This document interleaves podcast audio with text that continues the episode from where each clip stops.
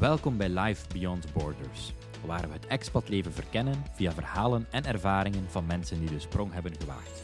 Van tips en advies tot de hoogte- en dieptepunten van wonen in het buitenland. Kom mee en ontdek samen met ons de expatreis. One expat at a time. Dag Rob, welkom in onze virtuele studio. Dag Nino, ik ben vereerd. Dank u om mij eh, hier over de vloer te hebben. Dat is graag gedaan. Waar bevind jij je op dit moment? Uh, nu zitten wij in het Suezkanaal, uh, hier op het Crane Installation Vessel Les Alizés van Jan de Nul. Alright. Uh, en wat is dat eigenlijk, een Crane Installation Vessel? Wat moet ik me daarbij voorstellen? Dus wij hebben een, van de, ja, een van de grootste kranen ter wereld. Het is niet de grootste, maar toch een van de grootste. Om eigenlijk windmolenparken te gaan bouwen. Dus wij hebben een grote kraan met eigenlijk nog allerhande andere apparatuur aan boord. Om monopiles, dat zijn eigenlijk de, de, de pilons waar de windmolens eigenlijk op komen te staan, om die te gaan rechtzetten met die kraan en dan ook te gaan piledraven, uh, dus die eigenlijk in de grond te gaan boren, uh, overal ter wereld in de zee. Dus.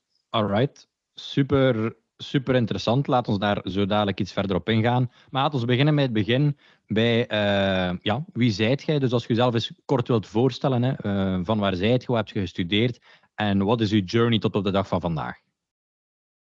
Ja, uh, dus ik ben geboren in, uh, in Gent. Nee, zover ga ik het ook niet drijven. uh, dus ik heb elektromechanica gestudeerd aan de Hogeschool Gent. automatisatie eigenlijk afgestudeerd. Ehm, en daarvoor heb ik eigenlijk twee jaar industriële elektromechanica geprobeerd, maar dat heb ik niet tot, tot een goed einde volbracht. Ik was eerder voor de praktijk bedoeld, heb ik gemerkt, geen goede student. Dus uh, aan de hogeschool is mij dat perfect gelukt, uh, automatisatie. En dan heb ik drie jaar eigenlijk um, uh, in een ingenieursbedrijf gewerkt. Eerst als een um, technical support engineer. Um, dat was eigenlijk meelopen, kijken hoe machines werkten, met andere ingenieurs eigenlijk hulp bieden. En dan kort daarna overgeschakeld eigenlijk deels als projectingenieur. En dan kreeg ik mijn eigen projecten en heb ik me eigenlijk verdiept in PLC-programmeren. En dan uh, kort daarna, uh, dus ja, eenmaal dat ik drie, maal drie jaar bezig was, um, had mijn vriendin het doel om uh, helikopterpiloot te worden. Dus hebben we dan alles op alles gezet om te verhuizen naar Amerika. Dus wij wonen nu in Oregon, de westkust, Noordwest Pacific. en dan moest ik ook veranderen van job, dat ging niet anders. Ehm, en dan hebben we eigenlijk een oplossing proberen zoeken om eerst te gaan werken in Amerika.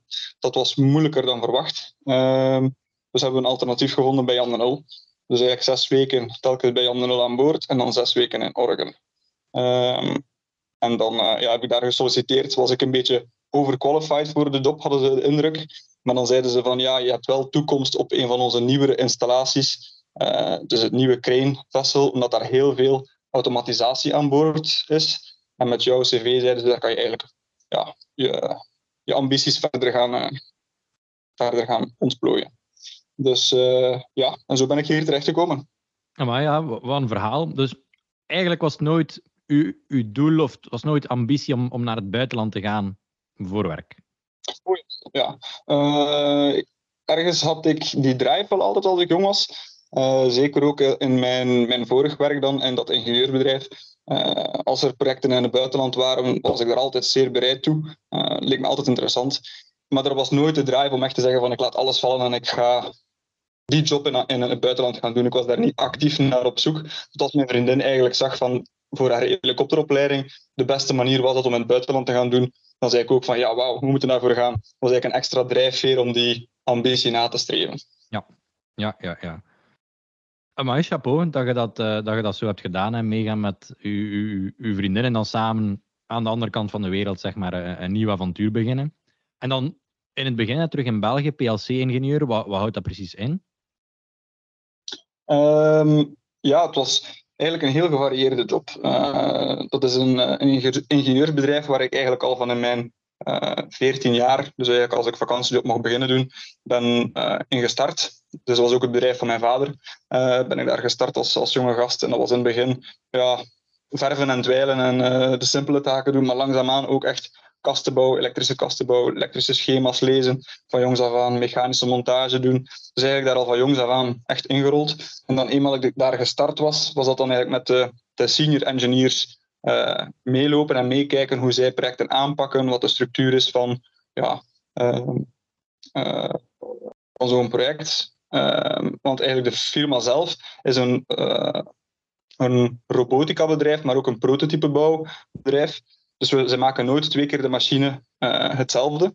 het is altijd een ander project. En ehm, ja, er gaat eigenlijk heel veel R&D in, maar ook heel veel development.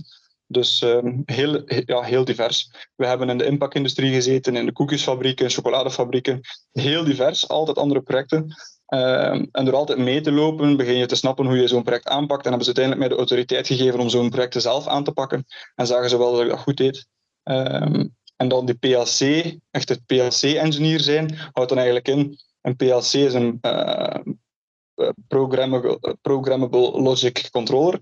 Um, dat wil zeggen dat je eigenlijk een controller gaat gebruiken, een stukje rekentechniek, om automatisatieprocessen te gaan uitvoeren. In plaats dat een operator een bepaalde handeling moet doen, op die knop duwen of die knop duwen, gaan wij een programma schrijven die die dingen automatisch gaat doen. Dat houdt dat eigenlijk in.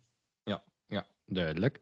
En uw huidige job, wat houdt dat dan precies in? Ik heb u aangekondigd als trainee elektromonteur. Klopt dat dan nog steeds? Ja, dus dat is eigenlijk uh, in het verlengde van wat ik vroeger deed. Nu ligt de nadruk wel minder op het automatiseren, maar ligt meer op het elektrische. Dus nu gaat het hier over um, hoogspanning um, uh, installaties. Dus eigenlijk onze main engines, dus onze aandrijving. Ja, ik weet nu niet van buiten hoeveel megawatt aan vermogen wij hier aan boord hebben. Maar we hebben hier dus zes verschillende MAN-engines draaien. Die zetten eigenlijk ja, fuel om in elektrische energie. Die energie gaan we aan 11 kilovolt gaan we die op het net sturen. En dan gaan wij daar eigenlijk uh, alles van aftakken voor al onze installaties aan boord. En wij zijn dan eigenlijk verantwoordelijk voor al het elektrische materiaal. Maar dat gaat dan eigenlijk van die, die gigantische generatoren, hoogspanning, maar ook van de distribution boards, maar ook tot de navigatiedesken op de brug. Uh, alles van elektronica zijn we eigenlijk allemaal verantwoordelijk voor. Ja, en met hoeveel mensen zitten jullie in het team? Dus voor het uh, electrical department zijn we nu met acht aan boord. Uh, wat eigenlijk heel veel is. Normaal gezien op schepen zijn we met wat minder. Maar omdat er hier aan boord zodanig veel aan de hand is, want we hebben enerzijds de kraan, maar ook het gewone schipgebeuren, de, de generatoren, maar dan ook nog installatie-equipment, zoals eigenlijk een machine die meehelpt die pilon omhoog te brengen. Dat is eigenlijk de upending hinge, noemen we die. Dat is eigenlijk ook nog een volledig aparte installatie. Het is te veel om voor één electrician eigenlijk alles te gaan uh, beheren. Je moet vaak met vijf, ma vijf man op hetzelfde probleem zitten denken. Of er, is ook gewoon, er zijn te veel taken om alleen uh, verantwoordelijk voor te zijn. Mhm. Dus daarom dat we met zo'n grote equipe zijn, dat is eigenlijk ongezien bij Jan de Nul. Normaal gezien zijn we met nooit zoveel. En hoeveel mensen zijn in het totaal op het schip, als jullie dan zo uh, vertrekken? Dus nu, um, ja, het wordt altijd maar meer en meer. Dus eigenlijk toen dat we, want dit schip is nog maar sinds, uh, hoe moet ik even denken, uh, twee maanden geleden is die vertrokken, heeft zijn mede een voyage gedaan. En dan um, ja, zijn we ze gestart met, ik denk, een vijftigtal mensen. Maar langzaamaan, aangezien dat er ook meer equipment aan boord komt en dat we met meer mensen nodig zijn om operaties te gaan uitvoeren, gaan we uiteindelijk naar een uh, crew van 150 man. 150. Dus dat gaat dan heel, heel uiteenlopend van uh, stewards, dus die helpen met het eten maken, met alles te kuisen. Uh, hebben we electricians, hebben we machinisten, dus eigenlijk alles voor het, ja, uh, de mechanical engineers zijn dat dan. Maar dan hebben we ook deckhands, supervisors, hebben we survey aan boord, dan heb je nog officieren. Dus ja, het is, je hebt ontzettend veel man nodig om zo'n groot schip eigenlijk draaiende te houden. Mm -hmm. En hoe is het zo, het leven op een, op een schip? Hoe, hoe, ziet een, hoe ziet een dag eruit voor u? Um, wij beginnen heel vroeg. Dus wij beginnen hier, dus de dagshift.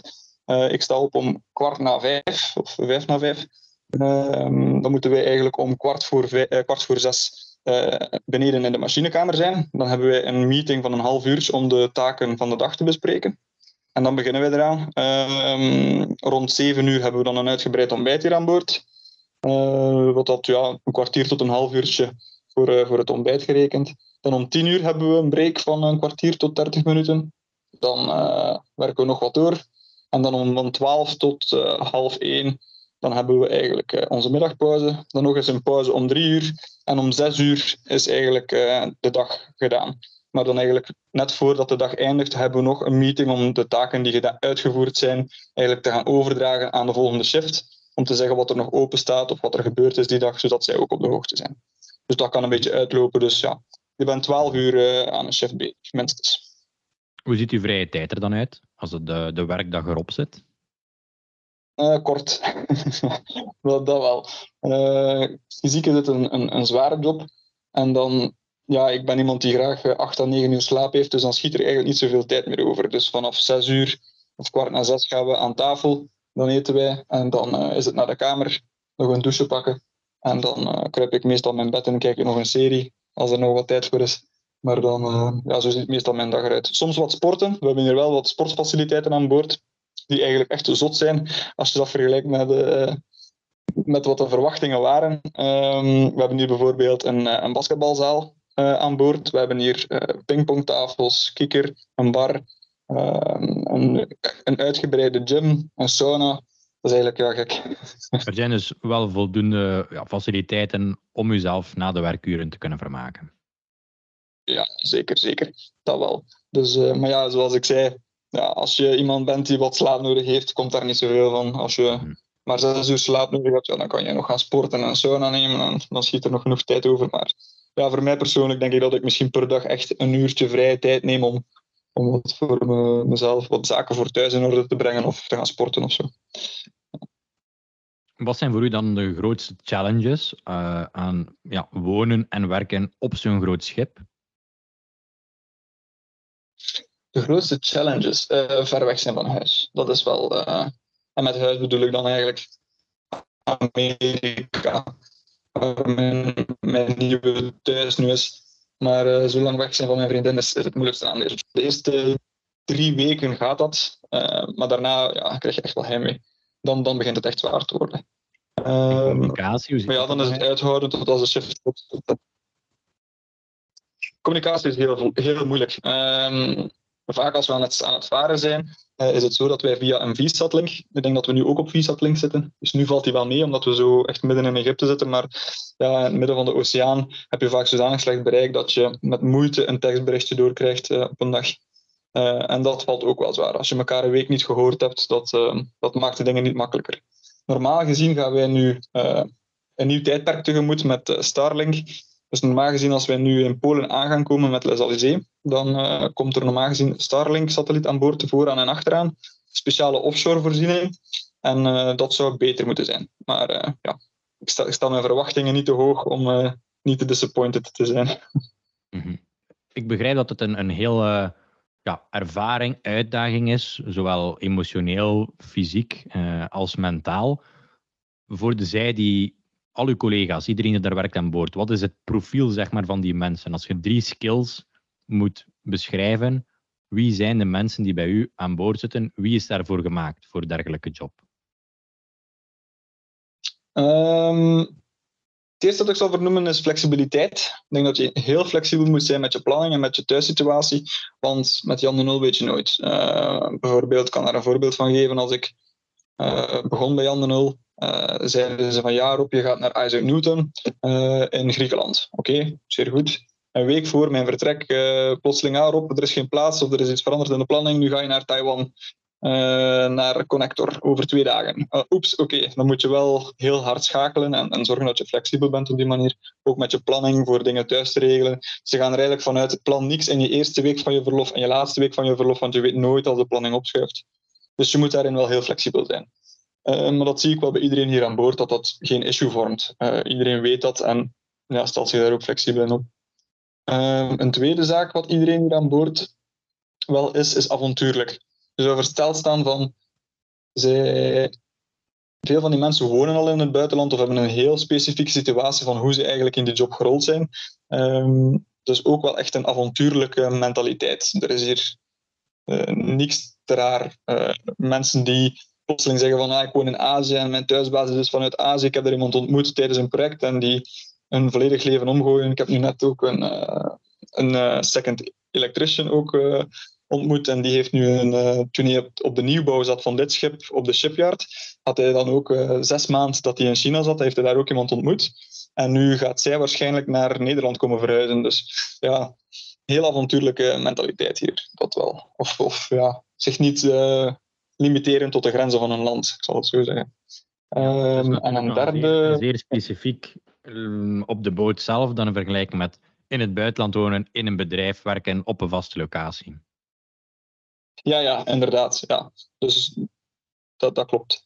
Um, maar ja, ik denk uh, voor ja, nu, ik heb nu ook, is de eerste keer dat ik iemand ontmoet, maar ook een tweede machinist die eigenlijk, ik zei ook van ik woon in, in, uh, in Oregon. Ah ja, ik woonde tot op een jaar geleden eigenlijk met mijn vriendin in Canada. Uh, hij had daar ook, uh, hij had zijn vriendin eigenlijk ontmoet via Jan de Nul. En hij dan eigenlijk in Canada gaan wonen voor drie jaar. En dan met de corona is zij dan naar, naar Europa verhuisd en wonen zij nu eigenlijk voor een lange tijd in België. Dus zo zie je ja, eigenlijk alle soorten uh, mensen en, plaatsen. Want ook aan boord zijn wij niet enkel Belgen met Jan de. We zijn Belgen, Nederlanders, heel veel Kroaten, maar ook Zuid-Afrikanen, heel veel Filipijnen, Indonesiërs. Dus je hebt hier ook een, gigantische cultuur van mensen, um, wat ook wel altijd interessant is. Mm -hmm.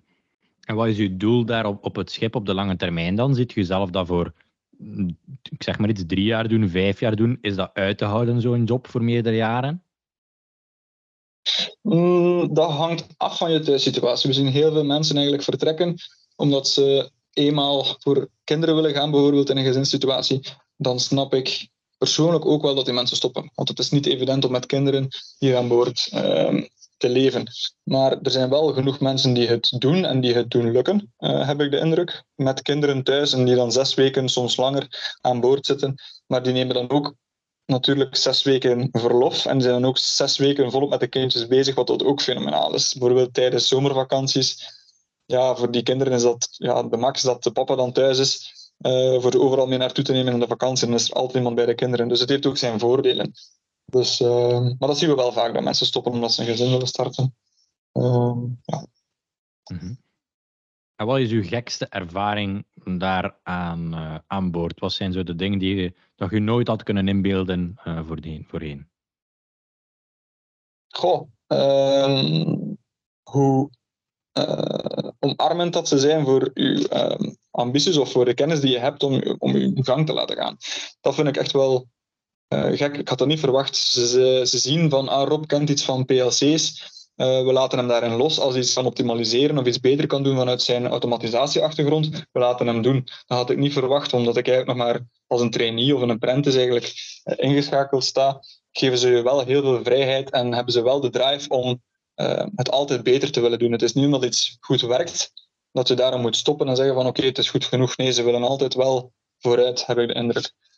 dat had ik niet verwacht. En het zotste dat ik hier al tegengekomen ben, ehm, ja, eigenlijk nog niet zoveel gekke dingen waarvan ik echt uh, waar mijn mond open van valt. Maar ja, okay. mee met die... Is het gevaarlijk zo leven op, uh, op zo'n dergelijk groot schip? Als je uh, de, de oceaan oversteekt, of je bent ergens een, een, een, windmolen of dergelijke aan het installeren, en er is een storm of zo, ik, ik zeg maar iets. Ah, we hebben inderdaad wel al tijdens projecten problemen gehad. of ja, bijvoorbeeld bij een, eh, een jacket. Dus wij doen die monopiles, dus die, die buisvormige tubes die bij de, de grond inrammen eigenlijk. Um, dat is één manier om een windmolen te bouwen. Je hebt ook van die jackets, dat zijn eigenlijk um, vakwerkstructuren die eigenlijk op de grond, op de bodem worden gezet. En dan wordt daarop die pylon geplaatst. Nu, in Taiwan moesten wij een van die jackets gaan monteren, maar um, die jacket heeft dan een buis waar dat dan de vermogenkabel voor de windmolen wordt doorgetrokken, maar die was helemaal verwrongen en kapot getrokken. En, ja, dus dat stonden daar eigenlijk met een jacket die, die volledig kapot was, maar dan moet je die onder water gaan fixen. Je kan die er niet meer uit gaan halen. Dus we hebben dan ook van die ROV's, Remote Operated Vehicles, die we eigenlijk door, de, uh, door het schip naar beneden en dan vliegt hij eigenlijk naar de, naar de, de jacket naartoe. En dan moet hij daar met van die speciale haken en toestellen proberen dat te gaan fixen onder water. Maar dat is zo'n complexe operatie. Dat was wel echt gek om te zien uh, hoe dat allemaal in zijn gang ging. Uh, want dat lijkt surrealistisch. Het lijkt op een, een, film die je aan het kijken bent, maar dat is een echte operatie die we aan het uitvoeren waren. Dat was, ja, wel, dat, dat, was wel gek. Dat zou wel. Het, het, het klinkt alsof je een, een filmscenario aan het beschrijven bent, dat klopt. Dus zes, zes weken aan boord en dan zes weken thuis uh, in Oregon. Heb je dan nog administratief ja. werk of zijt je dan zes weken vrij af? Wel, um, dat is een beetje aan jou om jouw limieten daarin te stellen. Um, voor mij, de afgelopen keren, was dat vooral veel verlof. Zij wisten ook van ja, Rob moet zich settelen in Amerika, die heeft daar wat tijd voor nodig. Dus we hadden eigenlijk volledig gerust gelaten. Je hoort enkel iets over uh, wanneer je volgende planning is, wanneer dat je de volgende keer aan boord moet gaan. Um, ik probeer wel in die vrije tijd via het e-learning platform van Jan de Nul een aantal modules te doen om mijzelf bij te scholen en om een beetje ja, up-to-date te blijven. Want na zes weken begin je wel de techniek wat uit je vingers te verliezen. Uh, dus ik probeer daar wel, wel wat uh, te studeren tijdens mijn vrije weken.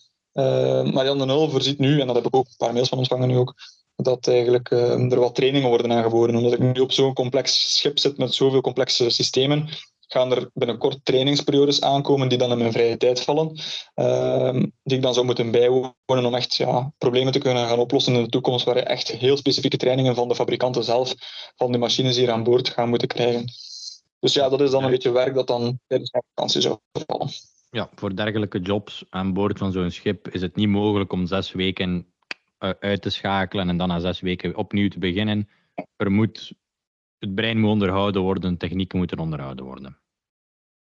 Ja, ja, inderdaad. Het is wel zo dat eenmaal je, stel nu dat je ja, uh, een heel ervaren persoon bent met die systemen, ja, je moet die, die modules ook maar één keer doen. Ja, hoe meer van die modules dat je al achter je kiezen hebt en je schip het zodanig goed leert kennen, dan zijn je zes weken je zes weken en zijn die volledig van jou. Je moet natuurlijk wel je, je safety courses wel up-to-date houden. Dat is iedere vijf jaar bijvoorbeeld moet je alle STCW-trainingen doen. Dus eigenlijk alles om een, een zeevaarder te mogen zijn. Dat gaat dan van fire training, van uh, uh, ja, hoe noem je dat? open water safety courses. Dus eigenlijk als je overboord gaat, wat je moet doen, hoe dat je in van die live refs moet kruipen, heel dat gebeuren. Die trainingen moet je ook wel nog altijd doen, ook al heb je al heel veel ervaring met de techniek. Dus als zeevaarder, als elektricien, ben je niet alleen elektricien, maar ben je ook echt een zeevaarder. Dus moet je ook aan al die um, opleidingen moet je voldoen. En ook studeren natuurlijk. -hmm. Rob, je, je vertelt daarnet dat uw vriendin een helikopteropleiding wou doen, dat dat de reden is dat jullie naar Amerika zijn verhuisd. Hoe zag die verhuis er, daaruit, zeg maar? Uh, hectisch. Zoals je wel kan inbeelden, komt er heel veel bij kijken. We zijn er al, uh, denk goede vier jaar hebben we ons daar gedacht, ons gedacht van gemaakt. Van kijk, we gaan naar het buitenland. Wij zijn eerst gaan kijken naar, uh, naar Zweden. Maar die school is failliet gegaan. Dus ik was al twee, twee maanden wat Zweeds aan het studeren via Duolingo. Maar dan plots nee, dat, dat, dat gaat niet meer door. Um, en dan hebben we voor Amerika gekozen, omdat dat daar goedkoper was. En dan zijn we eigenlijk uh, een jaar daarvoor, voor ons vertrek naar Amerika, zijn we een jaar echt aan het plannen gegaan. Um, en ja, dat is heel gek. is vooral de laatste maand, want ik was in, in juni ergens beginnen met, met werken. Maar dat was dan heel kort op één dat alles uh, in elkaar, de puzzeltjes in elkaar moesten vallen, administratief gezien. Maar dan moest ik ook ja, plots voor Jan de Nul heel wat zaken regelen, moest ik aan boord gaan. En eenmaal je aan boord bent, kan je bijna niks meer doen. Dus dan viel dat allemaal op mijn vriendin schouders. Uh, zij moest natuurlijk heel veel voor haar visum in orde brengen. Want ik ben in Amerika eigenlijk op een toeristenvisum. Daarom dat Jan de Nul voor mij zo goed werkt, is omdat voor Amerika heb je enkel maar um, een visum nodig als je daar langer dan 90 dagen verblijft. Maar ik ben in elk geval, ja, ik blijf daar maar zes weken, dus ik kom nooit aan die, die termijn. Dus kan ik daar perfect op een uh, ES, uh, ISTA-vorm, uh, kan ik daar eigenlijk wonen. Um, dus ja, voor mij was er niet zoveel te regelen. Het was voor, vooral voor Ella. Zij moest dan naar de ambassades gaan, die vergunningen aanvragen, die, uh, die visa in orde brengen. Dus ja, het was vooral voor haar hectisch. -hmm. En wat, wat, doen jullie dan zo van activiteiten samen? Um, als jullie dan samen zijn voor die zes weken, hoe ziet jullie, jullie uitstapjes eruit als jullie dan samen zijn? Want zes weken weg van elkaar is toch vrij, uh, ja, een vrij speciale situatie, hè? Die, die afwisseling uh, en flexibiliteit dan nodig is. Ja, dat is uh, zeker niet, niet evident, die zes weken uit elkaar zijn. En we uiteraard veel dingen samen doen. Maar dat is ook niet altijd mogelijk, omdat Ellen nog vol, volop in haar opleiding zit. Zij heeft eigenlijk een fulltime schedule. Zij is van Uh, zij heeft enkel maar zaterdag en maandag vrij, of zondag en maandag, afhankelijk van haar instructeur.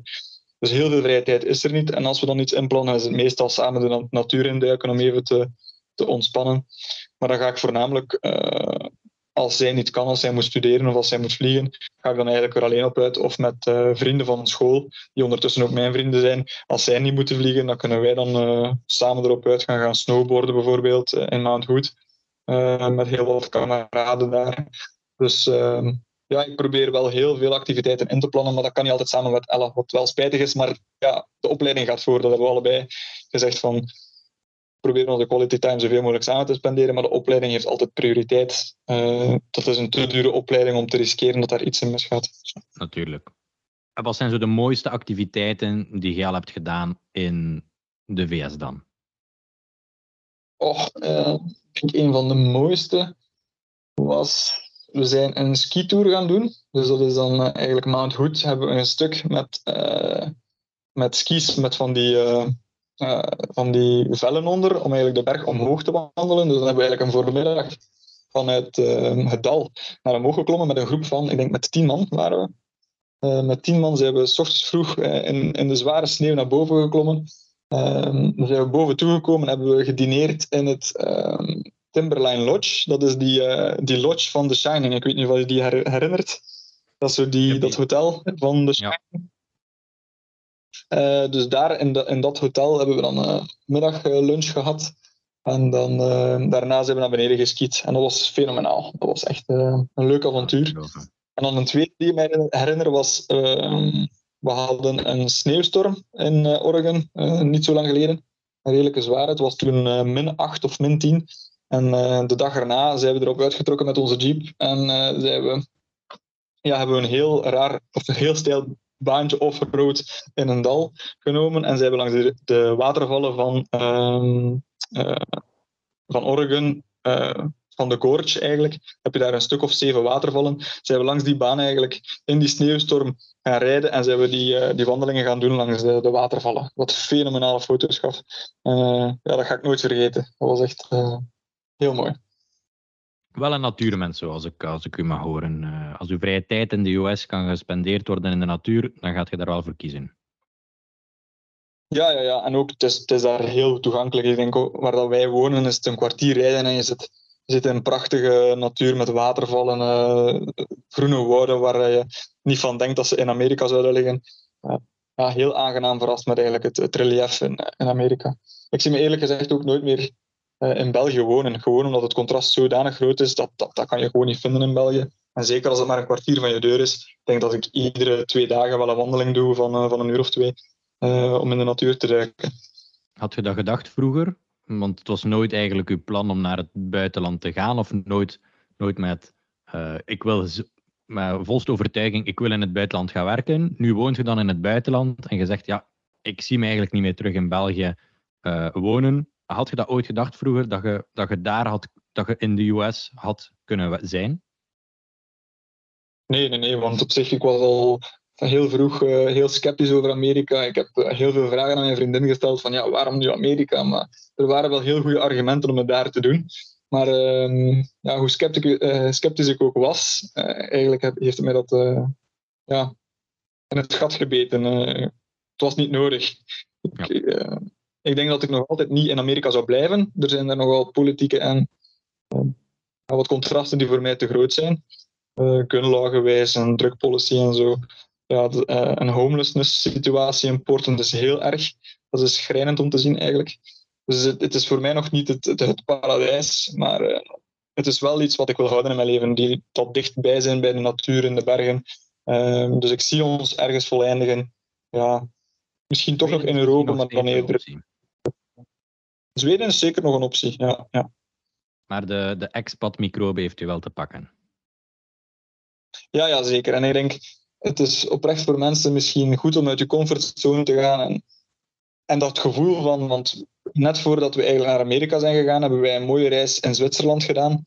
En we hadden na een week van, van in Zwitserland te zijn, oh, hier willen we ons leven mee afsluiten. Hier willen we voleindigen in dit type natuur en dat gevoel niet loslaten. Want heel veel mensen zeiden ons, ja, maar dat is normaal, het is uw, het is uw vakantie, dat is normaal dat je dat gevoel hebt. maar ergens ook niet. Als je daar zo thuis voelt en daar zo naar, naar hunkert om in de natuur te zijn en je kan die niet eh, vinden in België, hang daar dan ook niet aan vast. Ik zou dan er echt voor gaan en probeer dan via expat of een manier toch dat vakantiegevoel te kunnen houden als je dan thuis bent. Nog twee vragen op. We zijn bijna aan het einde van deze aflevering. De eerste vraag.